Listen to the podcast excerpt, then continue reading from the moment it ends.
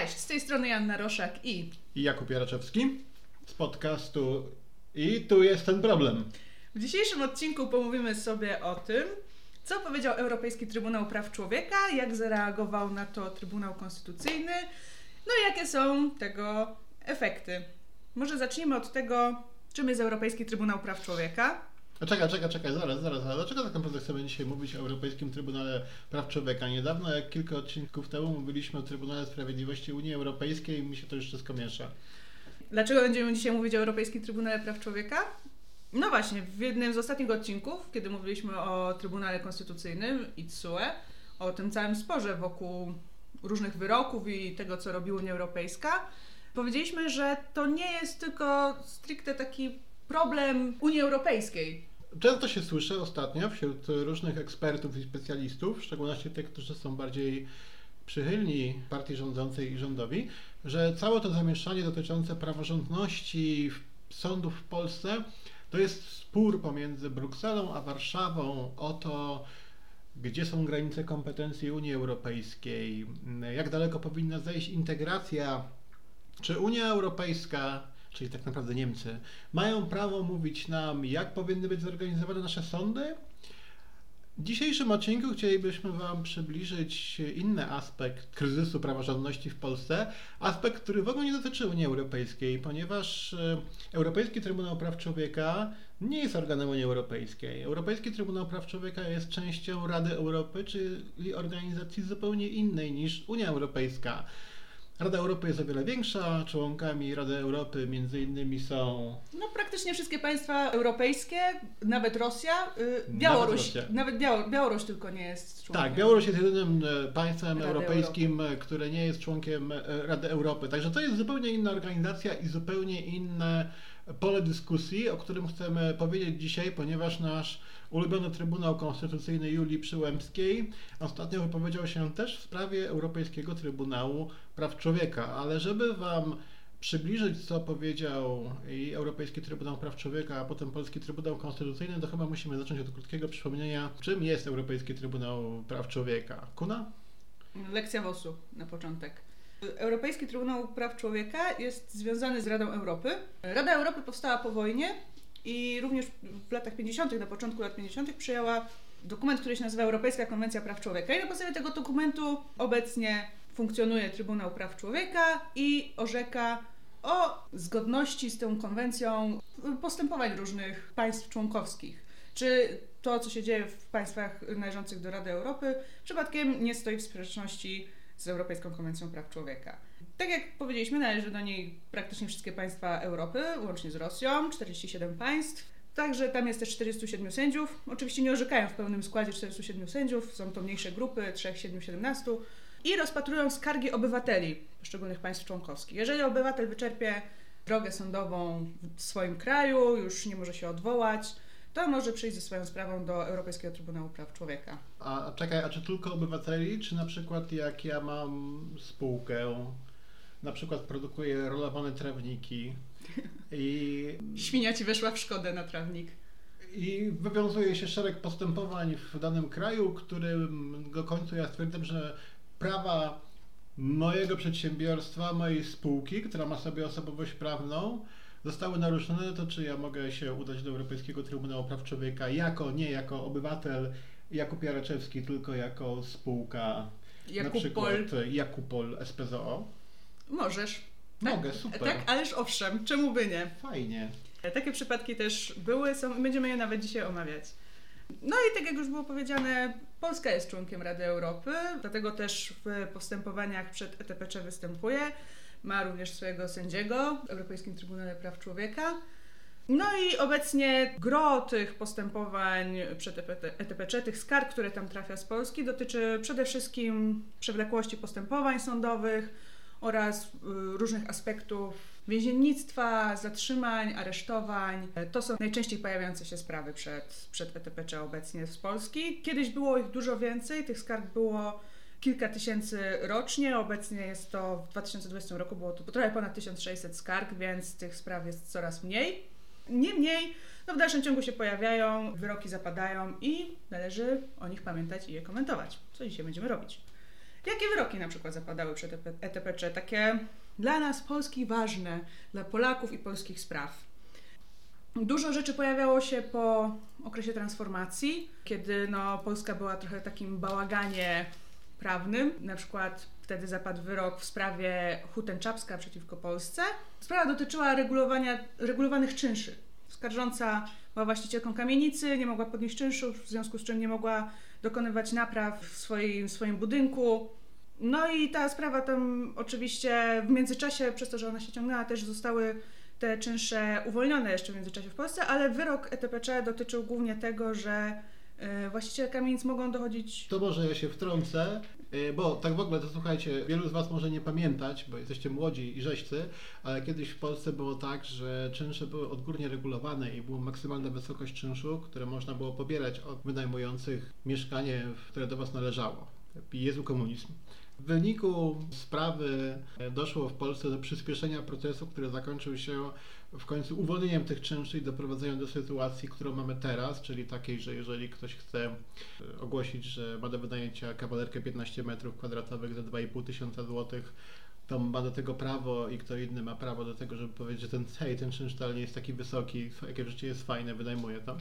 Ale kiedyś tak nie było i między innymi mm, właśnie sprawa pani Hudenczapskiej, która znalazła się w podobnej sytuacji jak około 100 tysięcy innych osób, które znalazły się trochę w takiej pułapce, bo przez to odgórne uregulowanie czynszy nie mogli pobierać za dużo pieniążków od wynajmujących, ale jednocześnie ciążył na nich obowiązek tego, żeby ten budynek, na przykład kamienicę, remontować, wymienić piony, wymienić ogrzewanie, dokonać napraw.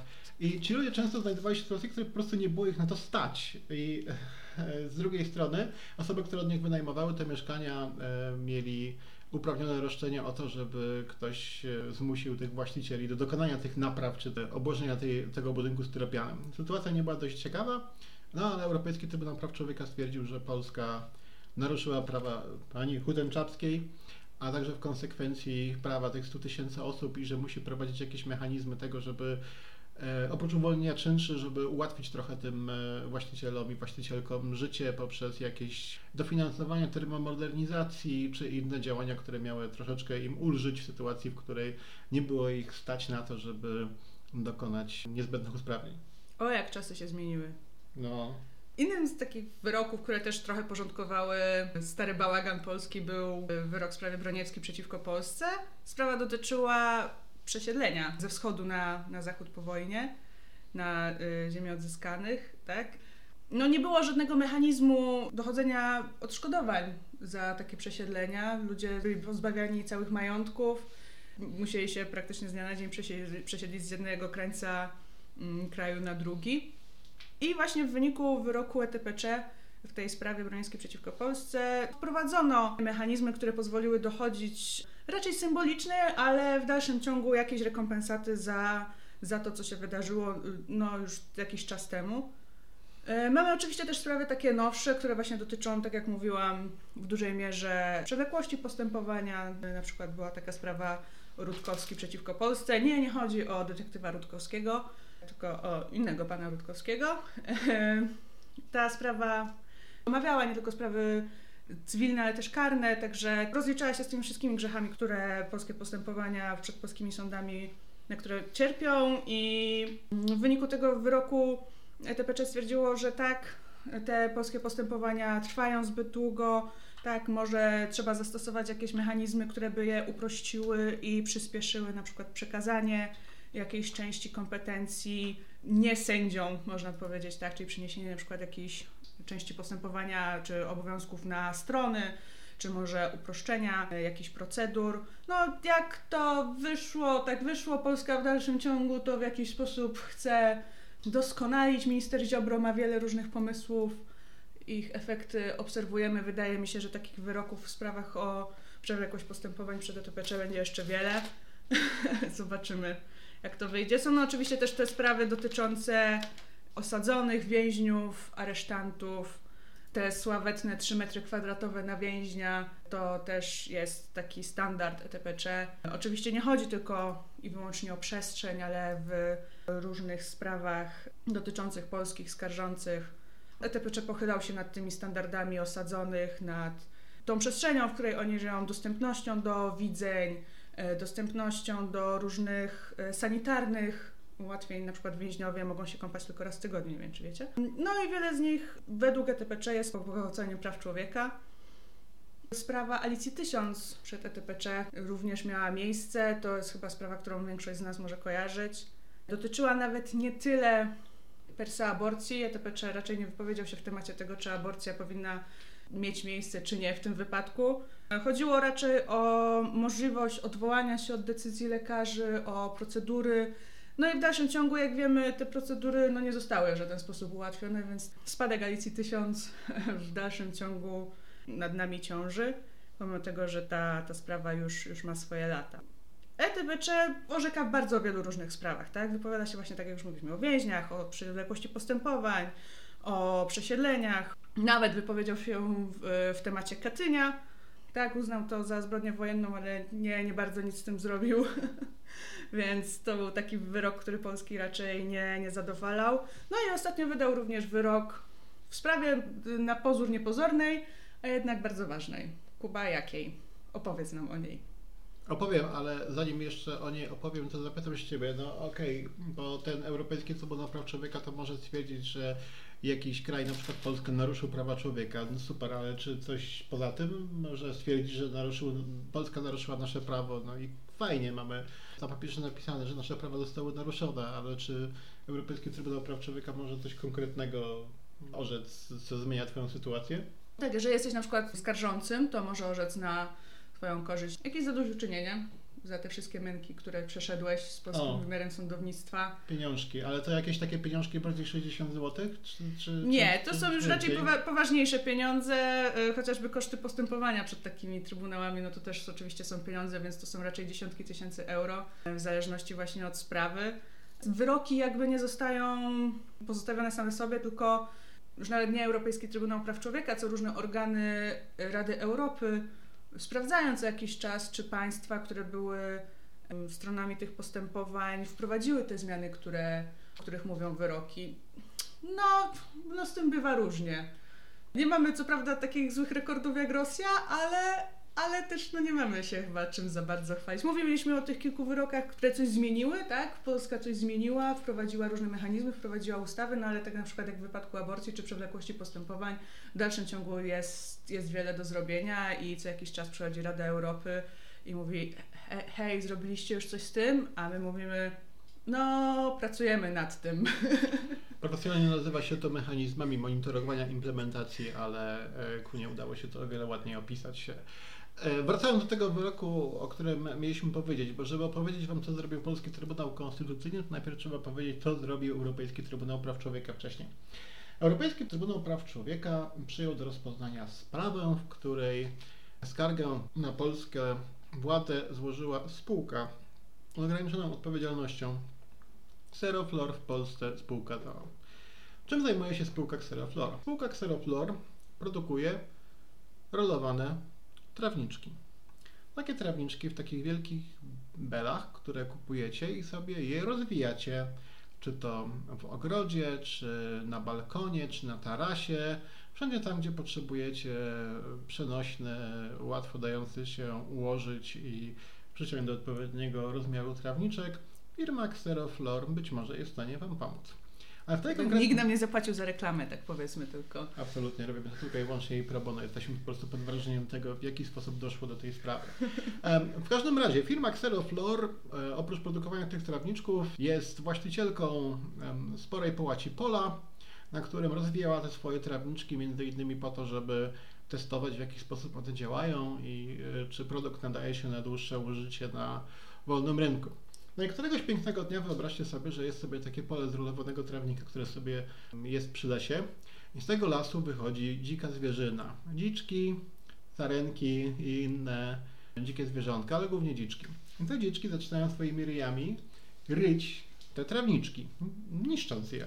No, jak to dziki mają w zwyczaju, szukają trufli albo innych ciekawostek pod ziemią i dają ryja w ziemię i rozwalają naokoło, szukając dobrych, fajnych rzeczy, które można znaleźć. No i tak okazało się, że trawniki firmy nie są jednak odporne na dziki, No i właściciel w firmie Xeoflor stwierdził, że tego tak nie zostawi. Tak, ponieważ nie wiem, czy wiecie, ale w Polsce lasy są to do zasady własnością państwa.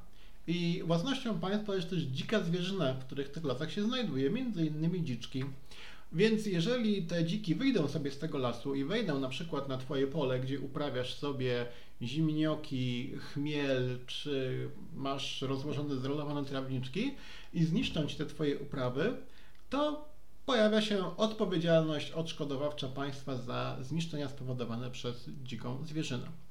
I właściciel firmy Xeroflor, postawiony wobec takiej sytuacji, że dziczki zniszczyły mu zrolowany trawnik, postanowił dochodzić sprawiedliwości i szukać odszkodowania.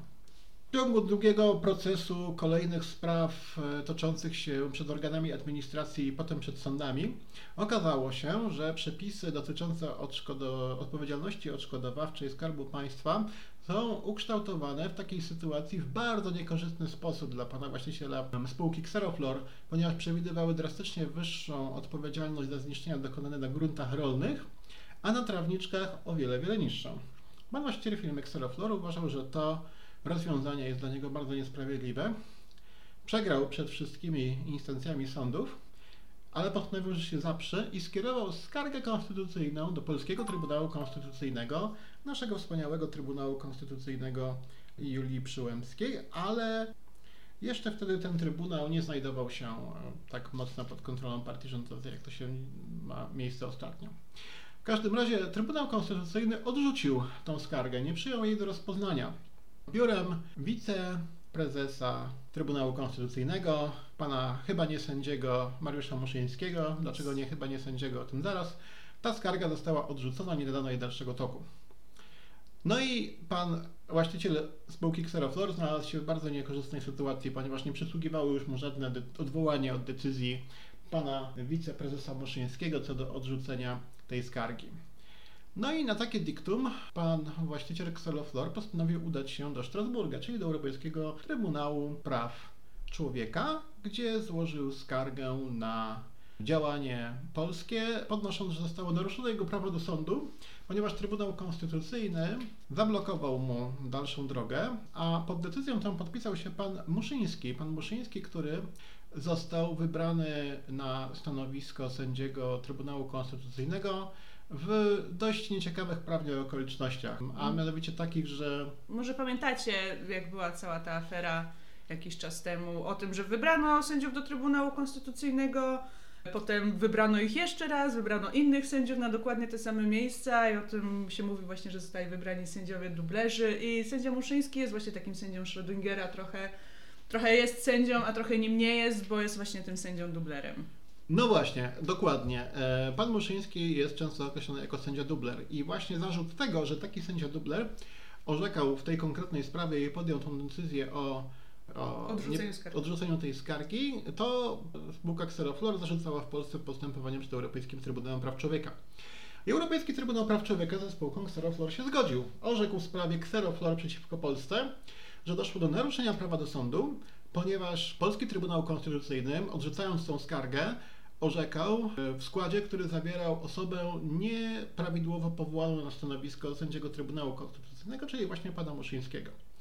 Europejski Trybunał Praw Człowieka zatrzymał się na chwilę nad pytaniem, czy Polski Trybunał Konstytucyjny jest sądem w takim klasycznym tego słowa rozumieniu, ponieważ prawo do sądu, które zawiera się w Europejskiej Konwencji Praw Człowieka, mówi, że każdy ma prawo do tego, żeby jego, jej sprawy rozpatrzył niezależny, ustanowiony prawidłową ustawą sąd. Europejski Trybunał Praw Człowieka stwierdził, że w skardze konstytucyjnej, którą składa jednostka, w tym wypadku przedsiębiorstwo, e, i w której Polski Trybunał Konstytucyjny orzeka trochę będąc sądem, ponieważ decydując, czy nadać tej sprawie dalszy bieg, a następnie rozpatrując je w sposób, który trochę jednak jest przedłużeniem wcześniejszych postępowań prawnych, sądowych, które ta jednostka toczyła w Polsce, to w tym kontekście Polski Trybunał Konstytucyjny jest sądem, więc powinien być powołany w prawidłowy sposób ustanowiony ustawą i też prawidłowo obsadzony. I nie był prawidłowo obsadzony. Pan Muszyński nie został prawidłowo powołany na stanowisko y, sędziego. No dobra, czyli mamy sprawę, która się toczyła w Polsce. Właściciel Xerofloru poszedł do, z tym do Strasburga. Strasburg powiedział, że że po prostu w tej konkretnej sprawie, z tym konkretnym udziałem tej konkretnej osoby, mieliśmy do czynienia z naruszeniem Europejskiej Konwencji Praw Człowieka, prawa do sądu, ponieważ pan Muszyński został w nieprawidłowy sposób e, powołany. W Trybunale Konstytucyjnym Polskim zasiadają sędziowie, co do których prawidłowości wyboru nie ma jakichkolwiek wątpliwości, ale pan Muszyński nie należy do tego grona. Więc została się następna.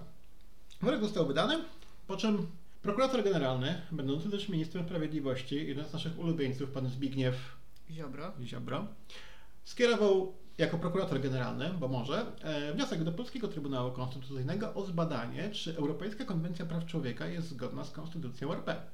A konkretniej, czy w myśl tego przepisu, artykułu 6, mówiącego o prawie do sądu, to czy w myśl tego przepisu Polski Trybunał Konstytucyjny jest sądem? Pytanie wydaje się bardzo absurdalne, ale nie do końca takie absurdalne jest. Natomiast bardzo absurdalne mm, było to, co zdarzyło się następnie. Pan y, prokurator generalny także chciał, żeby, żeby Trybunał Konstytucyjny odpowiedział na pytanie, czy przy okazji Europejski Trybunał Praw Człowieka ma kompetencje do tego, żeby w ogóle badać, czy sędziowie Polskiego Trybunału Konstytucyjnego są w prawidłowy sposób powołani. No Nikt nam nie będzie mówił, jak mamy powoływać naszych sędziów, powiedział Zbigniew Ziobro. Trybunał Konstytucyjny przyjął to do rozpatrzenia i teraz usiądźcie mm, wygodnie i weźcie ze sobą e, coś do picia, ponieważ zacznie się dość e, E, mocny moment, w którym powiem Wam, że Polski Trybunał Konstytucyjny na pytanie prokuratora generalnego, czy w myśl przepisów o prawie do sądu Europejskiej Konwencji Praw Człowieka, tenże Trybunał Konstytucyjny, w ogóle zacznijmy od tego, że mamy tutaj sytuację, która moim zdaniem trochę narusza zasadę, że nikt nie powinien być sędzią we własnej sprawie ponieważ de facto Polski Trybunał Konstytucyjny odpowiadał na pytanie dotyczące samego siebie i tego, czy... To jest tak jakby Julia Przyłębska wstała rano, spojrzała w lustro i zadała sobie pytanie, czy jest sędzią Trybunału Konstytucyjnego Julii Przyłębskiej i czy ten Trybunał Konstytucyjny mój... Julii Przyłębskiej jest sądem? Czy mój Trybunał jest Trybunałem? Czy mój sąd jest sądem? Zapytała siebie Julia Przyłębska i odpowiedziała, że nie. Że Polski Trybunał Konstytucyjny nie jest Trybunałem, w sensie jest sądem, który nie jest sądem. E, skracając dość pokrętne myślenie Trybunału Konstytucyjnego, którego e, trudno w ogóle w pełni odczytać, ponieważ nie opublikowano jeszcze uzasadnienia do tego wyroku, też Trybunał Konstytucyjny stwierdził, że w myśl przepisów Europejskiej Konwencji Praw Człowieka on nie jest sądem, ponieważ co prawda przepisy, które regulują Polski Trybunał Konstytucyjny znajdują się w rozdziale Konstytucji, który mówi o sądach i trybunałach, to Polski Trybunał Konstytucyjny nie jest sądem klasycznym tego słowa znaczeniu.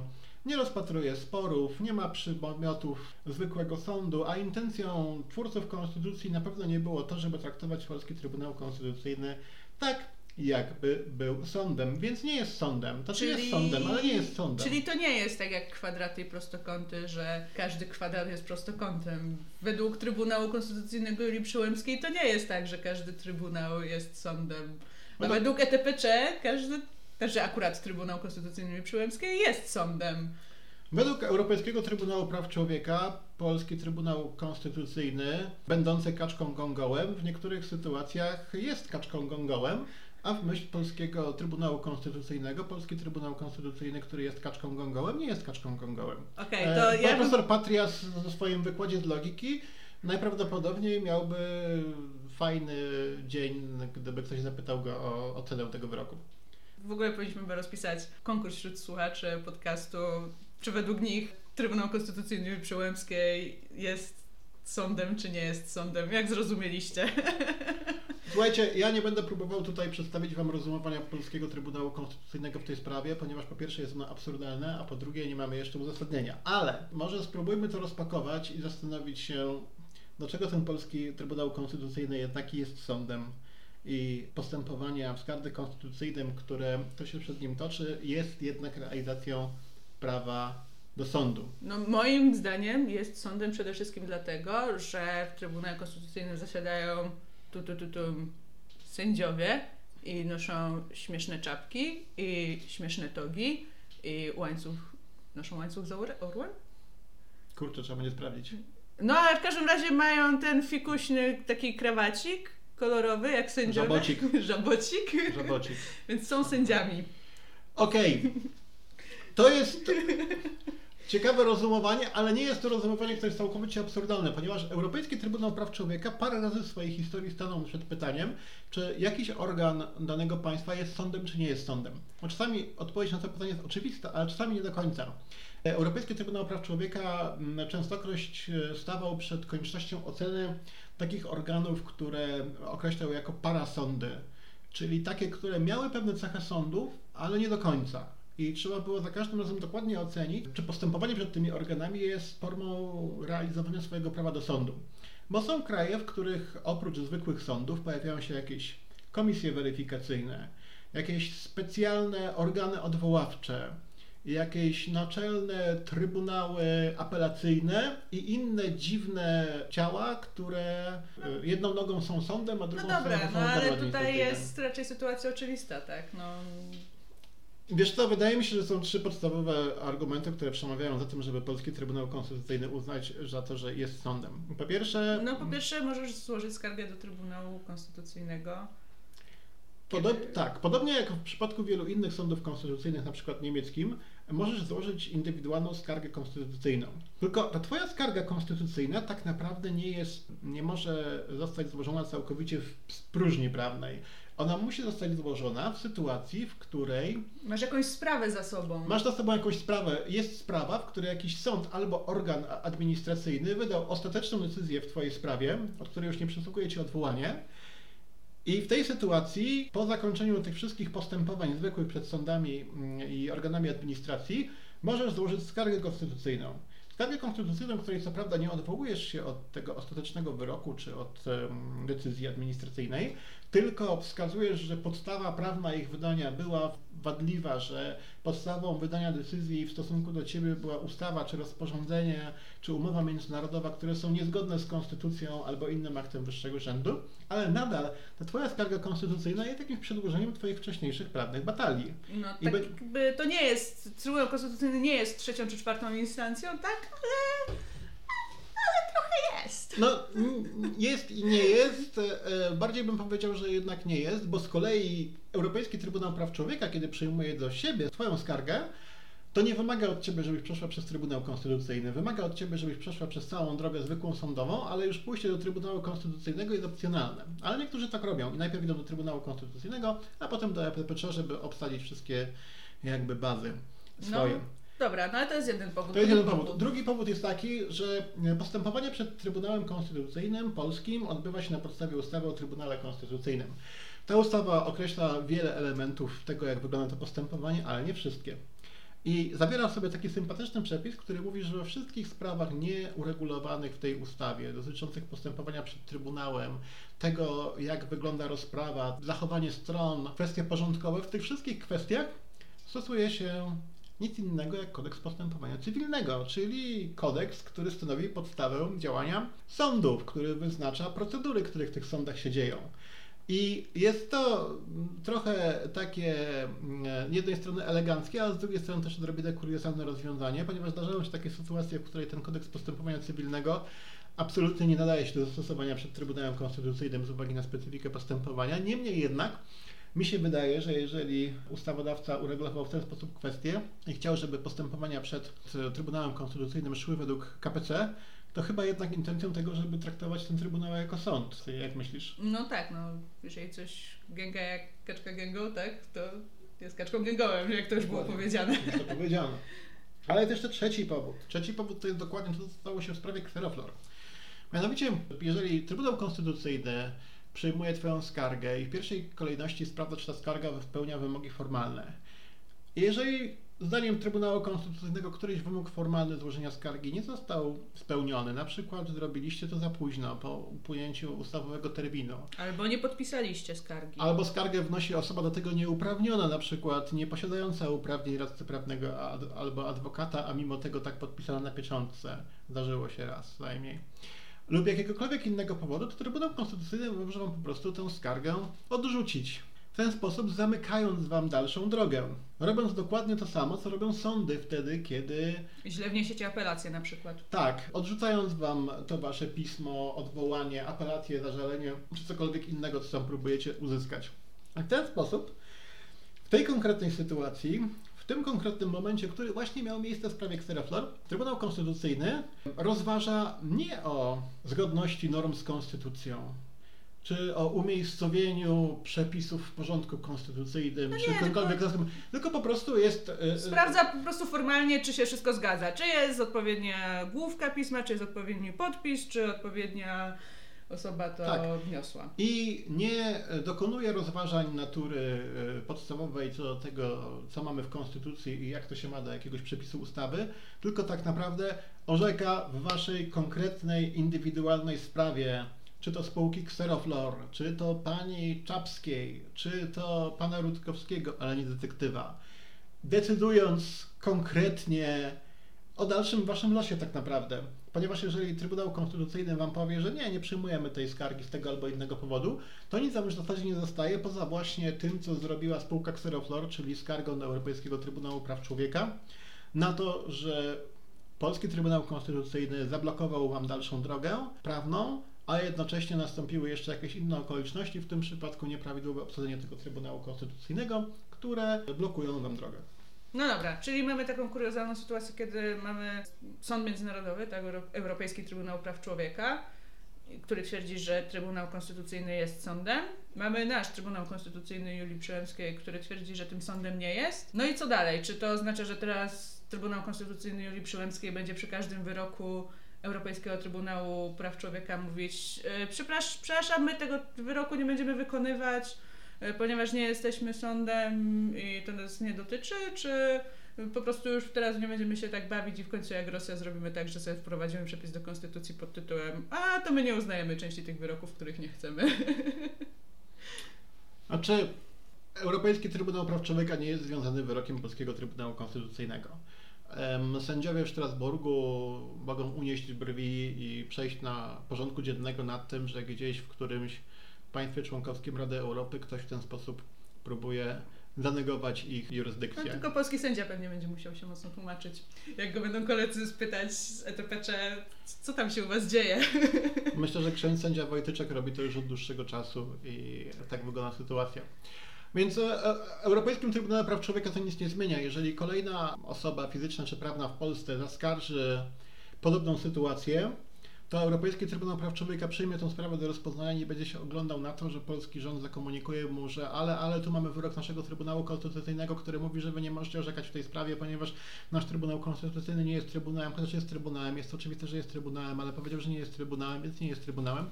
Europejski Trybunał Praw Człowieka się tym nie przejmie. Ale taka sprawa i to, co robi pan prokurator generalny, minister sprawiedliwości Ziobro, a robi to, że atakuje tak naprawdę kolejne wyroki sądów międzynarodowych, wcześniej Trybunału Sprawiedliwości Unii Europejskiej, teraz Europejskiego Trybunału Praw Człowieka, to wysyła taką bardzo nieprzyjemną wiadomość dla całego społeczeństwa, że jeżeli ktoś będzie próbował wzruszyć jakąś decyzję państwową i będzie próbował pójść do Europejskiego Trybunału Praw Człowieka, szukać tam sprawiedliwości, następne co się stanie to to, że nasz Trybunał Konstytucyjny wyda wyrok, którym stwierdzi, że te przepisy, na podstawie których Europejski Trybunał Praw Człowieka orzekł, zupełnie nie mają w tym kontekście zastosowania. I to będzie podstawą do tego, żeby państwo polskie ignorowało ten wyrok Europejskiego Trybunału Praw Człowieka. Założę się o dowolne pieniądze, że to, co się stanie teraz, to wykonania wyroku w sprawie Xeroflor, wypłacenia spółce Xeroflor odszkodowania i zaimplementowania tego wyroku, o którym mówiliśmy wcześniej, to tego nie będzie. Po prostu nasze władze stwierdzą, że a, tu jest wyrok naszego Trybunału Konstytucyjnego, który mówi, że tego nie było, to nie ma znaczenia, to jest niezgodne z polską konstytucją, dziękujemy, do widzenia. To będzie tworzyło taki efekt mrożący, bo kolejne osoby, które będą chciały pójść do Strasburga ze skargą na Polskę, będą się teraz zastanawiać, czy to ma sens, czy powinniśmy to robić, bo co z tego, jak wygramy w Strasburgu, jeżeli następnym, co zrobi polski rząd, to spróbuje zniwelować ten nasz wyrok, oczywiście tylko i wyłącznie na polskim gruncie, ale skutecznie, bo będzie miał podstawę prawną do tego, żeby ignorować, y, co powiedział Europejski Trybunał Praw Człowieka i to, co orzekł w naszej sprawie. To jest, myślę, że największe zagrożenie, jakie płynie z tej sytuacji. Nie wiem, czy się zgodzisz. No też jeszcze z drugiej strony mamy właśnie całą Radę Europy, z którą mamy trochę na pieńku, bo jeżeli słuchacze pamiętacie, to jeszcze były sprawy, kiedy przyjeżdżała Komisja Wenecka do Polski i wydawała różne opinie, a Komisja Wenecka również jest częścią Rady Europy. No i tak jakby, jeżeli będziemy ignorować nie tylko Komisję Wenecką, tylko też również Europejski Trybunał Praw Człowieka, jego wyroki, popadamy w konflikt z kolejną organizacją, do której należymy i jesteśmy tak jakby członkiem jakiejś organizacji międzynarodowej i olewamy zasady gry znowu.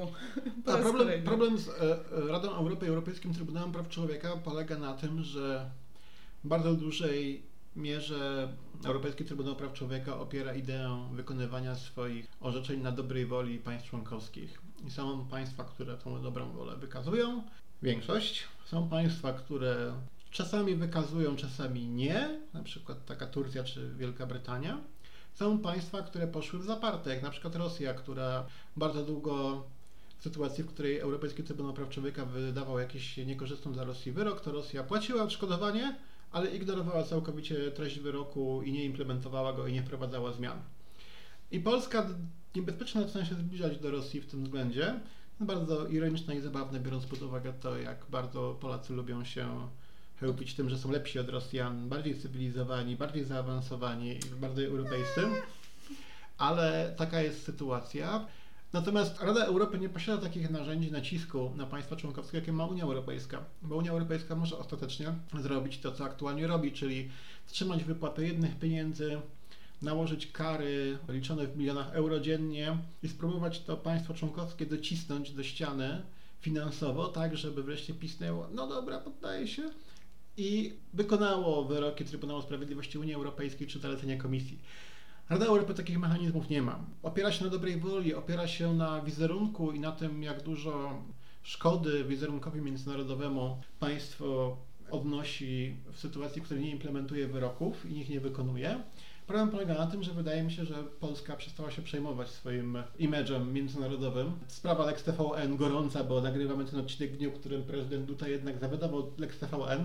Całkowicie postawiła na noże nasze kontakty z Stanami Zjednoczonymi, naszym tradycyjnym sojusznikiem i nic nie, nic nie ugraliśmy na tym, to pokazuje, że to jest całkowicie ręka noga mózg na ścianie i nikogo już nie obchodzi to, jak nas postrzegają w Radzie Europy. Grunt, żeby, no właśnie, coś osiągnąć. No pytanie, co chcemy osiągnąć, bo na razie osiągamy tylko coraz większy bałagan. Niestety.